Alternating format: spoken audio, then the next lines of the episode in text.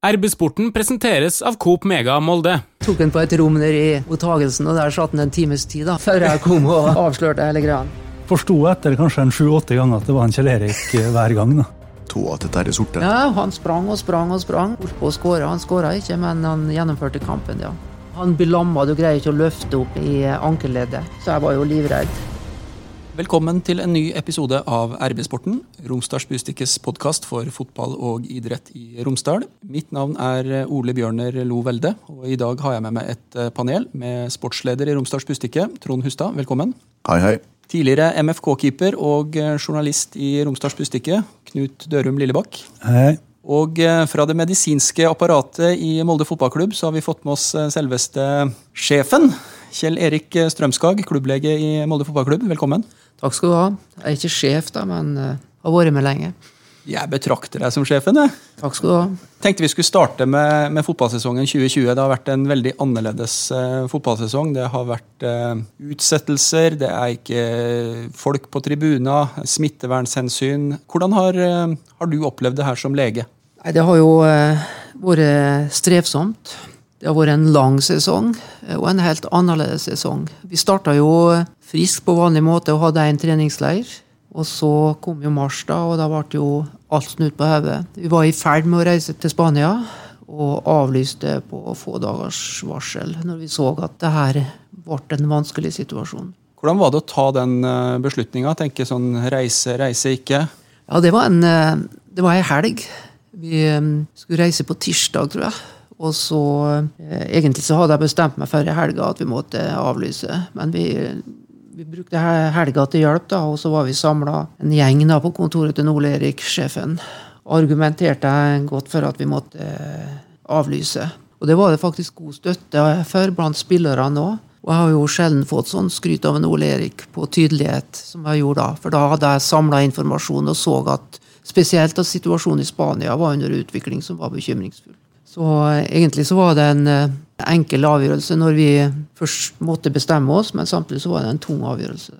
Som lege så er du jo vant til å ta denne type avgjørelser og ta ansvaret. Men hvordan var det å gjøre det i en sånn setting som det her, med hele spillergruppa og sesongoppkjøringa til Molde fotballklubb som til en viss grad sto på spill? da? Ja, Det som er litt typisk, da, er jo anestesilege, og er jo vant til å samle informasjon, sortere informasjon og så trekke en konklusjon. Og det er ganske likt, da. Eh, samtidig så var jeg jo klar over at det var mange som ble skuffa, og det ble en annerledes oppkjøring. Så her Treningsleirene og det vi har hatt nede i området der i Spania, har jo vært veldig hyggelig og veldig viktig i oppkjøringa. Men det var stor forståelse for det. Disse her koronatiltakene, har de, eh, føler du, gått utover på en måte dagliglivet i gruppa? Den her trivselen som er i en sånn fotballkultur, den, eh, hvor tett på hverandre man kan være, rett og slett? Ja, kanskje ikke så mye det, men det her er eh, muligheter til å være sosiale, til å være, treffe venner, treffe familie, eh, gå på en liten tur på byen, på kafé.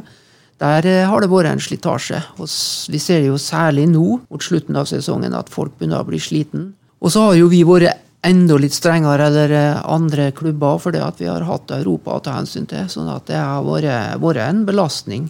Så er det jo sånn at Selve laget er jo en kohort, og man kan besøke hverandre og man kan ha ting sammen, men i det siste så har det jo vært begrensninger på antall. Sett oss kort inn i det her med Europa. Hvor, eh, hvor annerledes er, er, det å reise ut i Europa med et uh, fotballag i 2020? og hva, hva, må dere tenke på for at det skal kunne være forsvarlig? Det er jo, det er jo protokoller protokollet her, da, og Uefa har jo en streng protokoll som bestemmer mye for oss. og Det starta jo før vi lenge før vi drar i forhold til planlegging, nøye planlegging. Vi får oversikt over hvordan forholdene er det dit vi skal. Og så tre dager før vi drar, så er det den første Uefa-testen. da. Og da er det jo et datasystem sånn at vi får sertifikat som vi må vise sammen med ID når vi kommer. slik at det er jo veldig godt planlagt fra Uefas side. Det er jo mye mindre morsomt i hermetegn å dra nå eller det har vært tidligere, for vi, vi må jo sitte på hotellet Knut vet jo at vi bruker å ha det sosialt hyggelig òg når vi er på turene. Gå ut, eh, se litt av byen og sånn og det har jo vært helt umulig. Så opplever vi jo at på stadion er det strengt. Det varierer litt fra klubb til klubb, men det er ganske strengt. Og eh, kontrollen er, er heftig, da. Hvordan var det på Emirates? Ja, eh, engelskmenn er litt annerledes, da. Så der, der var det kanskje litt lavere i forhold til strenghet. Vi ble jo kontrollert, og det er febermåling og alt sånt noe. Eh, når vi kom inn til London, så ble vi jo tatt inn på en eh, egen terminal, da, og der så de bare på passet vårt, og ikke noe i forhold til koronatesting. Så det her er variert veldig. Når du kommer inn på Emirates, så er det jo, det er jo en svær stadion, da, så den følelsen er jo eh, flott òg. Blir det noe prat med klubblegen til, eh, til Arsenal når du er på en sånn tur? og Får du, får du se litt hva han har å, Ja. å rutte med på en sånn stadion? Ja, og det var spesielt der, for der, eh, der ble jeg henta av, eh, av en av legene i teamet, da, og som viste meg rundt. Viste akuttrommet, dopingrommet, som ble aktuelt, for det ble dopingkontroll der. En veldig hyggelig kar. Viste meg rundt, og så sa det at hvis det er noe, så må du bare kontakte meg. Så det var veldig hyggelig i England, da. Vi er jo vant til å se det blide og, og synet ditt på, på benken her når vi ser, eh, ser Molde-kamper, men eh, plutselig så satt du jo der sammen med nødlandslaget også. Ja, det var spesielt, for det var allerede fredag den 13. Klokka halv tolv om natta så ringte, ringte de. Det var Leif Arne Lystad, da, som er en god kollega fra MFK, som er, er på landslaget. Da hadde de, Det var noe som var uavklart i forbindelse med koronaen, så de hadde noen spørsmål. Og så I forlengelsen av det så sier han at du har ikke lyst til å være med til Romania. Eller kan du være med til Romania, for det, det var noen forhold som gjorde at legen ikke kunne reise. Så da fikk jeg en uh, times tid på meg, så klokka halv ett en natt til lørdag da, da bestemte jeg meg, sa jeg ja til å dra, og så måtte vi begynne å sjekke opp da, men det, hvordan vi skulle komme oss dit. Og så Det er jo dårlig med fly, så klokka ti på halv fire på lørdags morgen så kjørte taxien om bord i ferga over til Ålesund, for det gikk et fly fra Ålesund 0710. Det ordentlige landslaget, da, for å si det sånn. De var stasjonert på Storå, på hotellet der, så da var det å komme dit. Og ble godt mottatt av eh, gjengen der, med Lars L i spissen. Det var veldig hyggelig. Det er jo litt rart da, å komme inn i en gruppe som du ikke kjenner. Du kjenner noen, og så skal du gjøre en jobb. Så da var jeg jo med på hele den prosessen som var utover dagen, med diskusjoner og rekke møter og på- i bussen før vi ble snudd da, og eh, det ble avlyst. Som var ganske heftig på mange måter, for det, det var en skuffa gjeng. da, Både av spillere og eh, støtteapparat. De eneste som kunne reise, som ikke var i karantene, det var Lars Lagerbäck og jeg. Og så kunne vi ha reist med de spillerne, utenlandske spillerne, så det ble jo fleipa med at jeg og han, bare skulle reise, da. Men eh, det kom jo klar beskjed fra Fotballforbundet at man ikke kunne reise. Så det jeg gjorde, jeg hoppa av bussen og tok toget hjem. Kom hjem hit til Molde klokka ni på lørdagen. Og så begynte det å bli eh, snakk om nødlandslag utover søndagen, og så ble jeg forespurt på søndag. Så tok jeg test her i Molde, for det måtte jo ha en koronatest i Uefa-systemet, som er et eget system. Og så reiste jeg nedover tirsdags morgen og eh, rett inn i en ny gruppe. da. Der kjente jeg en Smerud, for han har jeg hatt på U21 for lenge siden. Og så kjente jeg jo selvfølgelig Ruben og Mats, som det var hyggelig å møte. Og der var jo mye att og fram, for det var litt for å få svar på testene, og så ble det litt uh, ugreie med testen til keeperen, han PK, som han kalles. Men vi kom oss jo av gårde da, og fikk ei trening i Wien. Men det var jo, det kom så brått på, og så var det helt spesielt. For det, var en sånn guts og en giv i den gruppa. De skulle vise hva de var gode for. Så syns jeg, de, jeg syns treneren var veldig flink. Bruke den tida som han hadde. De møtene som han hadde, var han veldig flink. Eh, og så vet dere jo resten. Dere så jo kampen. En ting til som jeg vil si, det var jo at våre spillere i hermetegn, da, han Mats og han Ruben, gjorde jo et sterkt inntrykk. Og spesielt Ruben hadde en, eh, en liten peptalk i pausen som var veldig flott, altså. Så det var en eh, fantastisk opplevelse på alle mulige måter. Og eh, mange flotte ungdommer som ikke jeg har møtt før, som eh, var skikkelig idrettsgutter. Så det var veldig morsomt oppi det her, da, som er bivirkning av koronaen. Du har eh, mange gode historier fra en eh, lang eh, karriere som lege rundt Molde fotballklubb, men kan du ta oss helt til starten? Altså, Hvordan debuterte Kjell Erik Strømskag som lege for, for MFK? Ja, der òg er det en spesiell historie. da, for Vi kom flyttende fra Tromsø i 1981. Jeg skulle begynne på turnus på Molde sykehus. Og så hadde de noen år da, drevet litt som gateklovn. Så jeg tenkte hvor er det mulighet for å drive som gateklovn i Molde? Og da var det jo en, eh, en plass det var ansamling av mye folk. Det var jo på stadion. da, så mitt engasjement, eller egentlig så visste jo ingen hvem jeg var. Det var jo som eh, stadionklovn. Det ble jo Bustika skrevet om det, Folkebladet skrev om det, og ingen visste hvem jeg var. Enhjulssykkelen og balansering. Og Jeg skal, jeg skal spørre, Hva var repertoaret som klovn? Ja, det var eh, tradisjonell klovneri med enhjulssykkel ja, og sjonglering. og Gikk etter folk og herma. og eh, Det var sikkert ikke så veldig elegant, men det var, eh, var morsomt for meg. Og så eh, jobba jeg på sykehuset, og der var Finn Reistad, som har vært min mentor både i forhold til idrettsmedisin og anestesi. Han var MFK-lege. Noen av dere husker kanskje, eller i hvert fall så er det en, eh, en kamp som nevnes mye, som var året før, 1980. Jeg spilte mot Lyn den siste kampen, jeg tror det var i slutten av oktober. Ja. Og tapte 1-0 og rykka ned. Den historien er jo mange som forteller. Så det her 1981 det var et opprykksår da, fra eh, nivå 2. Og det skulle være en kamp i Bergen 24. oktober i 1981. Eh, Da spilte han Terje Sorte, en rask eh, ving, og hadde vondt i et tå. Så han trengte, apropos noe som er aktuelt i dag og diskuteres i dag, han skulle bedøves da for å spille den kampen. Og så kunne ikke Finn, da. Og så jeg jeg kan jo dra, jeg, Finn. Og dermed så ble de til Bergen, da, og Molde tapte 1-0. Det var det de maksimalt kunne tape for å rykke opp og rykte opp.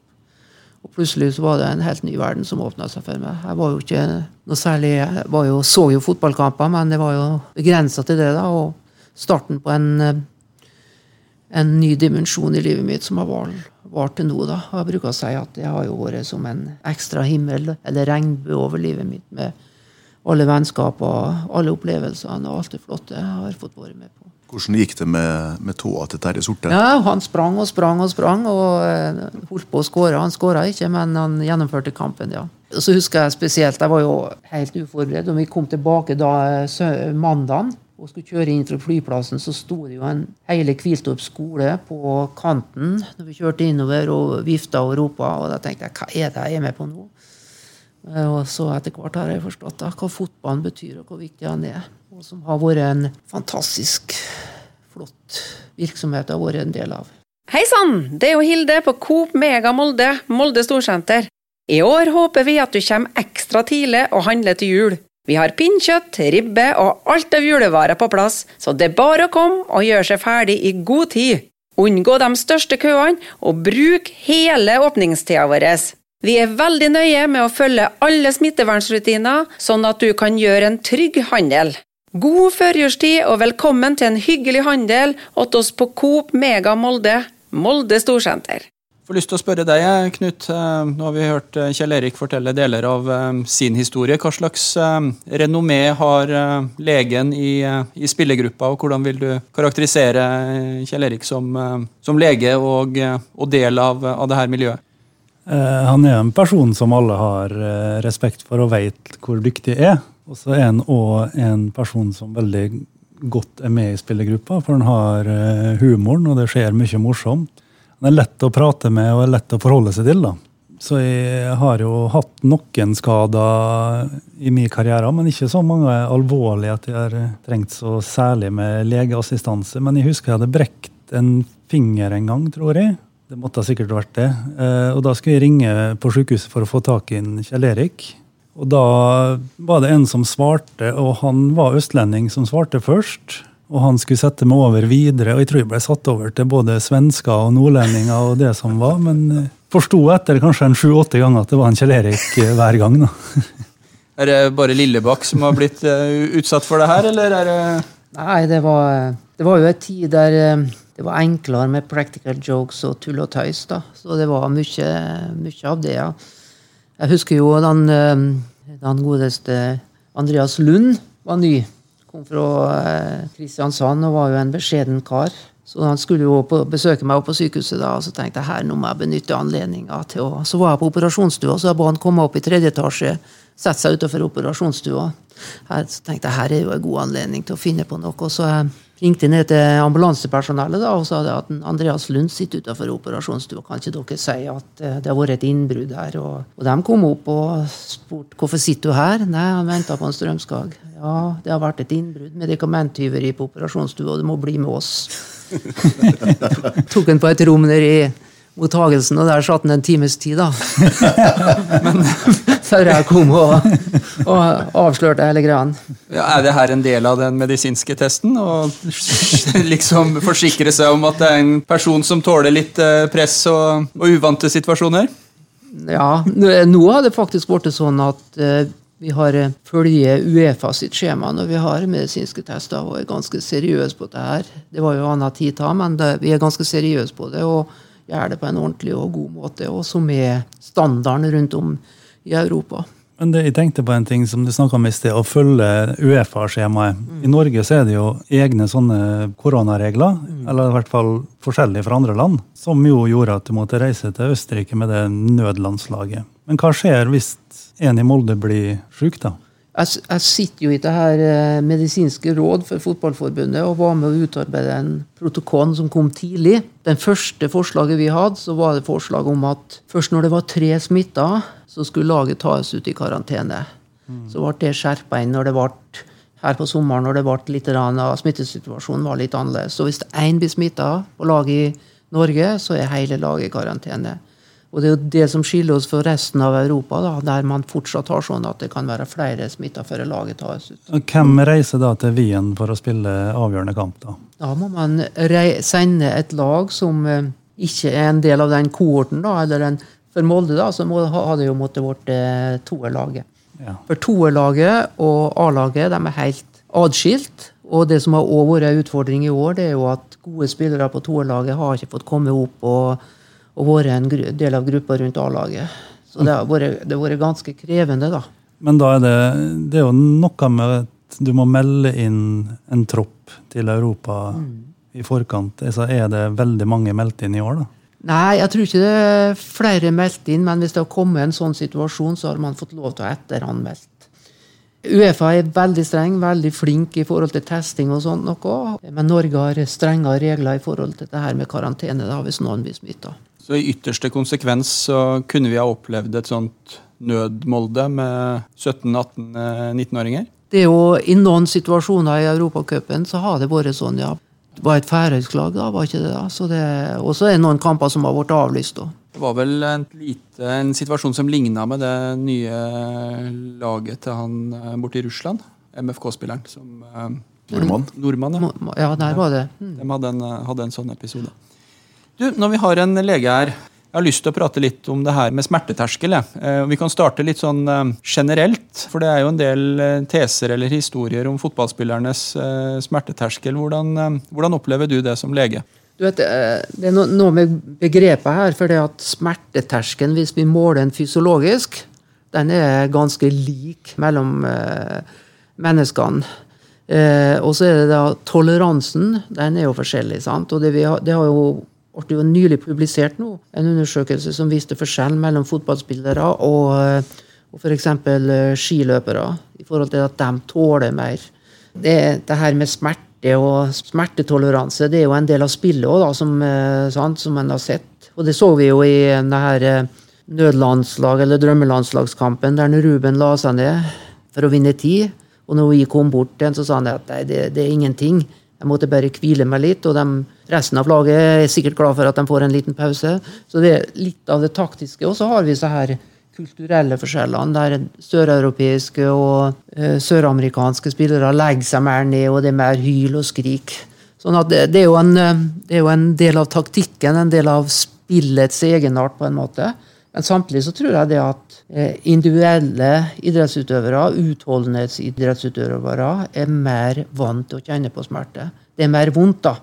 Jeg bruker jo også si til fotballspillere når de har vondt at det, det, er vondt å spille. Det skal være vondt. Det er vondt å leve, det skal være vondt å spille fotball. Så det er det du sier når jeg ser at du har ei lita ordveksling med han som sitter nede der? Det... Nei, det, det, vi gjør først og fremst da, det er jo å kartlegge sant? hva det er som eh, alvorlighetsgraden og hva det er. Men det hender når vi kommer ut på sidelinja, da, så sier vi at det her, det her vil du jogge av deg, det her må du tåle. Du nevnte søreuropeere osv. Eh, I MFK så har det jo også en eh, historie der det er noen eh, spillere fra et spesielt område i Senegal som eh, tilsynelatende får eh, veldig vondt. Da tenker jeg f.eks. på Madio Konate, Maktar Tion. Fantastiske fotballspillere som eh, litt oftere enn andre eh, triller litt lenger del av deres fotballkultur. ja. Og så er det jo en helt annen kultur. Afrikanere er annerledes enn oss. Det så vi jo, det har vi jo, det er vel ikke så stor hemmelighet, men vi så jo det rundt cupfinalen mot Ålesund. Jeg kan, jeg kan støtte det med kultur. da, for det er en sånn, Først vil jeg si at det er mye som er vondt på en fotballbane. Hvis noen hopper og lander på det med metallknotter på foten, så er det fryktelig vondt der og da, men så går det jo bra etter et minutt eller to. Men jeg husker, for meg, jeg husker jeg spilte, syntes det var flaut. da, Å ligge nede og vri seg, liksom. Jeg ville opp og Jeg var liksom av den at hvis noen skal komme og hjelpe meg av banen, så skal jeg ikke inn igjen på banen. Så da, da skal det være så vondt at jeg ikke kommer inn igjen. Hei, Hilde her, fra Coop Mega Molde. Kom innom og se vårt store, brede utvalg av mat fra lokale produsenter. Vi har også gavepakker til den som har alt. Velkommen til Coop Mega Molde. Men Kjell Erik, er jo, altså, jobben din er jo å hjelpe spillere til å fortsette kampen. Eh, Men det er jo blant mange legendariske historier med det, så er det jo én der du eh, kom ut på stadion for å behandle Åge Hareide. Ja. Åge Hareide var jo da ta jeg på 80-tallet, da, etter at han har vært kommet hjem etter profftida i, i England. Du hadde respekt for Åge, det har, har jeg jo fortsatt. Men særlig da. Jeg var jo fersk, og Åge var jo rutinert. Og så hadde han vondt på utsida av kneet. Og som den anestesilegen jeg er og var, så skulle jeg jo hjelpe han med det. da, Og satte jo litt, kanskje litt for mye lokalbedøvelse der, da. Så når han eh, gikk en stund, så skulle Åge Jeg tror det var eh, frispark, eller var det corner, da? Men i hvert fall så hadde han fått droppfot fordi jeg lamma en viktig nerve som går ned til, til fotbladet. Og så når han skulle ta den corneren eller frisparket, så var det var han trilla så vidt bortover, og du hørte at han hadde droppfot. Altså droppfot. Ja, En, eh, ja, han blir lamma, du greier ikke å løfte opp i, eh, i ankelleddet. Så jeg var jo livredd. Og, men heldigvis så ble han bytta ut med Steinar Henden, da. Noen av dere husker han. Og han skåra jo i den kampen, da, så da eh, ble det litt lettere for meg. Men Åge flirer jo når han forteller den historien der, og forteller om jevne mellomrom. Hvor lenge gikk det før han kunne gå på foten? Nei, det går jo det, Han greide å gå på den, men funksjonen var nedsatt, og det går jo gjerne en fire-fem timer, avhengig av hvilket medikament man bruker. Så det var Det, vi snakka i sted om uh, fotballspillere som, uh, som legger seg ned og får uh, legehjelp, men vi kjenner jo også til historier hvor de har bitt sammen tenna og, og spilt på ren skjær eh, vilje. Eh, sikkert for deg som lege eh, en gang iblant. eh, har det hendt at folk har, eh, har ringt deg gjennom kvelden og faktisk vært eh, alvorlig skadd, men, eh, men har spilt, eh, spilt gjennom en kamp? Ja, det har hendt. Det har hendt eh, flere ganger. Det er jo spillertyper her, og vi lærer dem å kjenne etter hvert når du har vært lenge i laget, hvem du kan puffe, og hvem som ikke sier fra, for det er noen som ikke sier fra.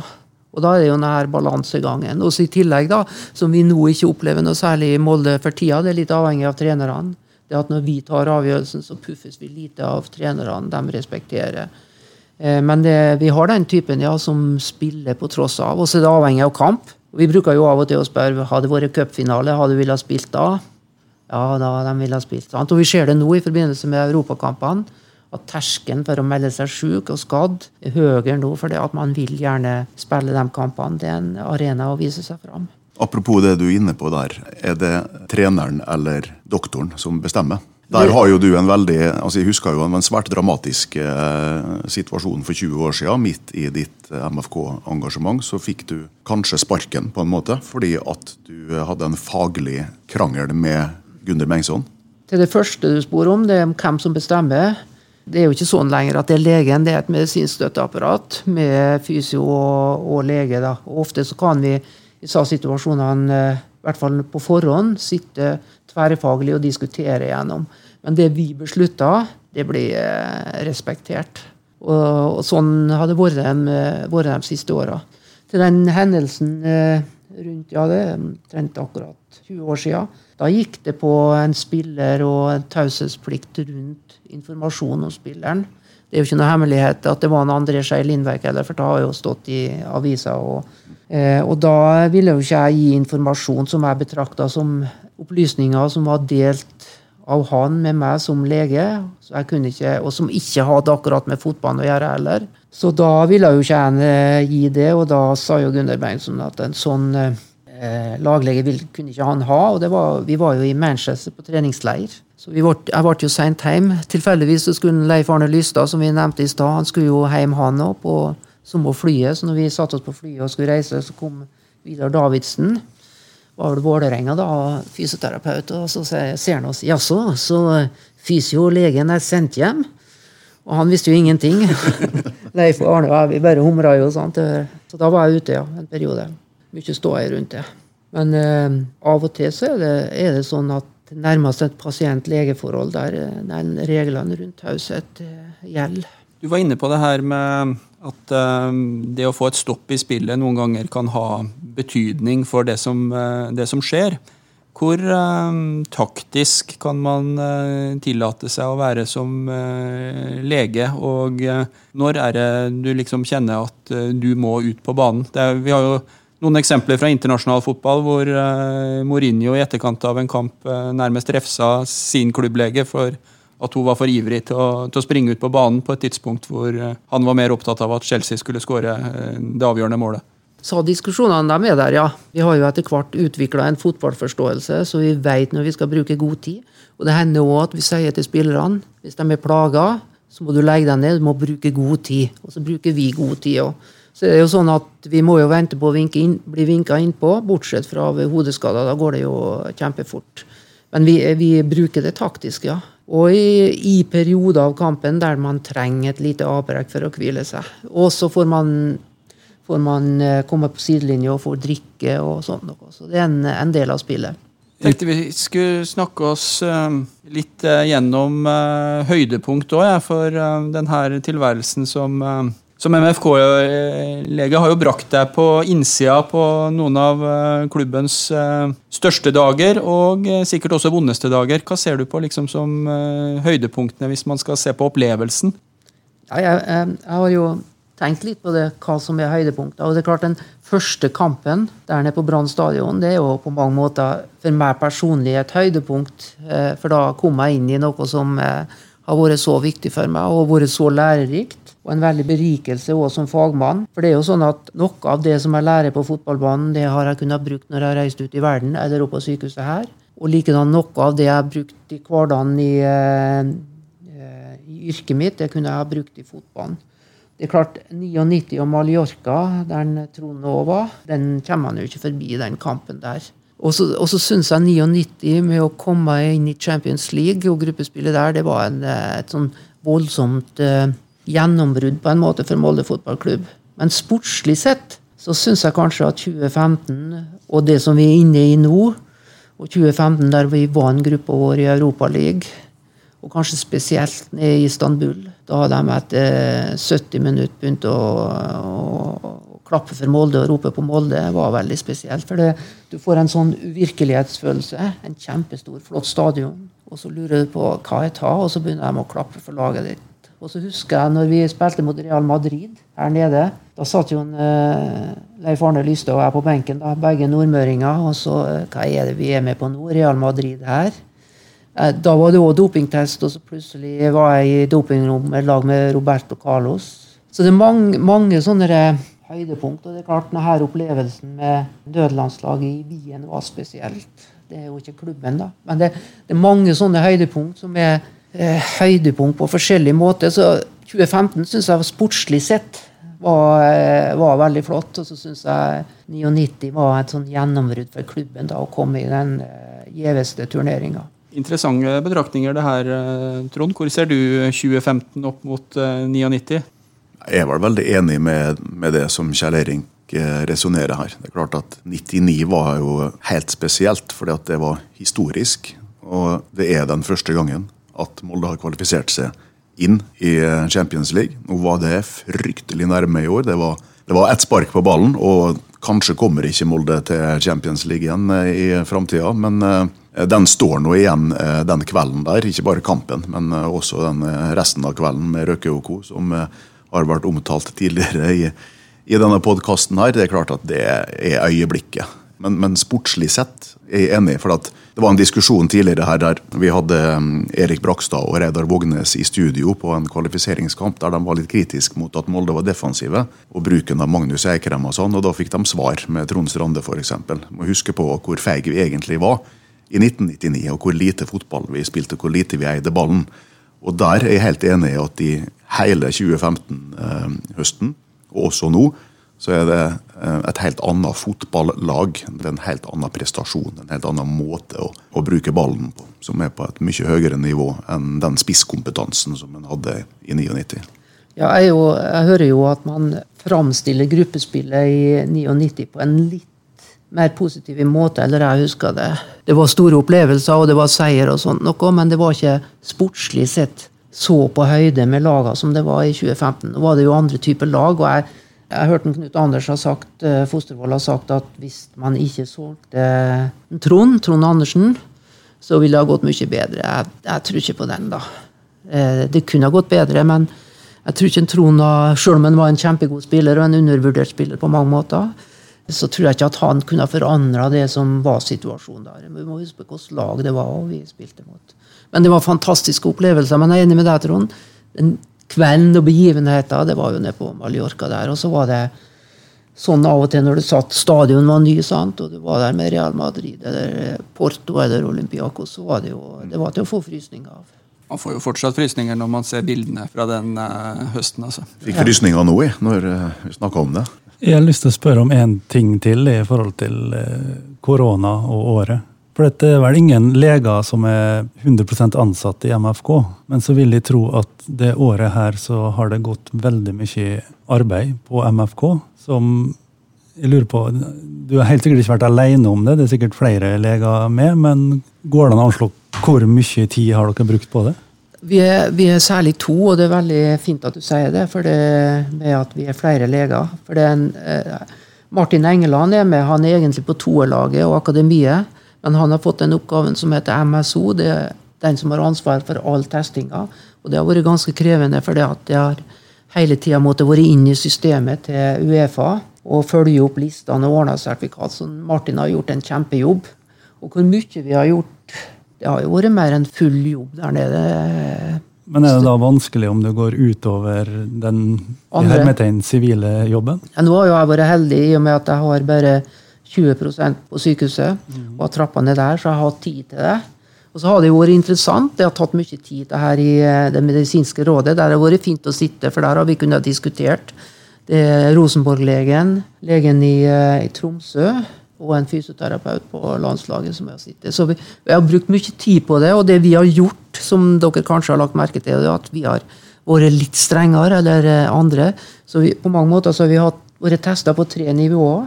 Først det som landet vårt krever, og så det som Uefa krever. Og så har vi lagt inn noe testing sjøl i tillegg. Så det har vært mye jobb, ja. Mm. Eh, og så mye spørsmål og veiledning og sånn noe. Så på legenivå så er det godt samarbeid mellom MFK og Rosenborg? Der, eh, der er det en ny lege oppe i Rosenborg, en som heter Reidar Due, og han har vi hatt et godt samarbeid med. Ja. Jeg ringer jo Åge av og til òg, eh, men, men, jeg sitter jo og betrakter sånn som mange og lurer på hva som skjer nå. Og så har jeg jo tidlig i år hviska eh, ledelsen i MFK inn i øret at nå må vi skjerpe oss litt. Nå er det mulighet til å ta hegemoniet i norsk fotball fordi at Rosenborg har streva litt. Og det tror jeg de gjør fortsatt, bl.a. pga. økonomi.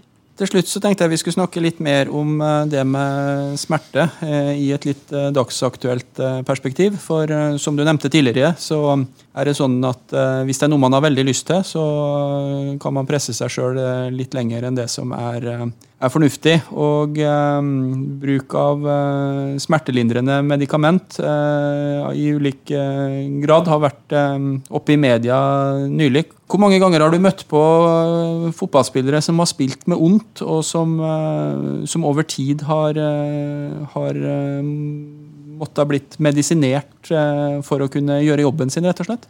Da er, må, må, vi jo gå tilbake til det som en Knut sa. det å, å spille fotball, det er jo vondt, og det er vondt innimellom. At det, det, å bruke smertestillende, bruke Paracet og Voltaren, som er beskrevet i VG i dag, det gjør vi jo fortsatt. Så det er ikke så lenge siden jeg har eh, dosert. Også i forbindelse med kamper vi har hatt nå.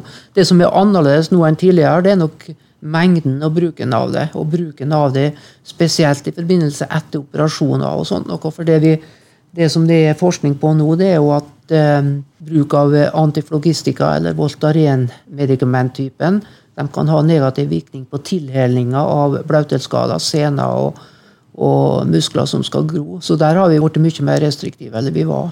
Men det er fortsatt eh, en del bruk av det, ja. Men det er jo styrt av eh, det medisinske støtteapparatet, da.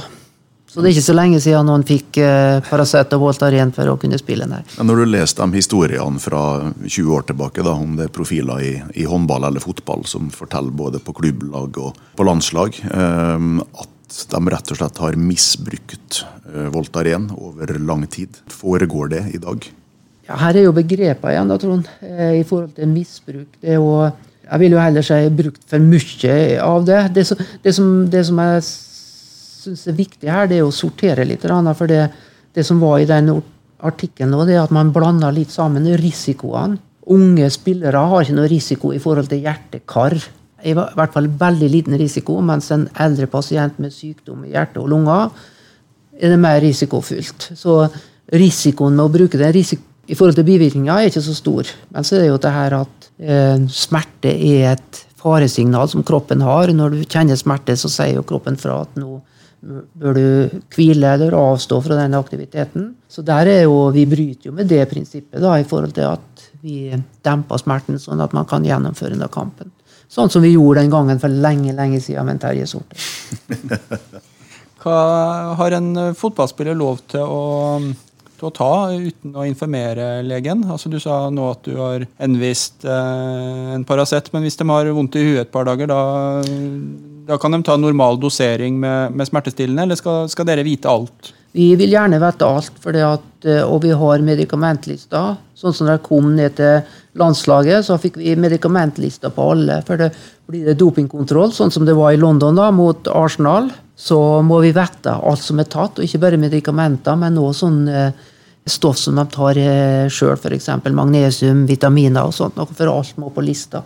Så vi har stort sett full oversikt. Og så er det noen av dem da som er forbudt, som vi har hatt historier med. Og vi har jo hatt historie i fotball òg. I, I, går så spilte vi jo vår gode venn som kom fra Åsne til Haugesund, og som ble tatt, fikk en dopingstraff.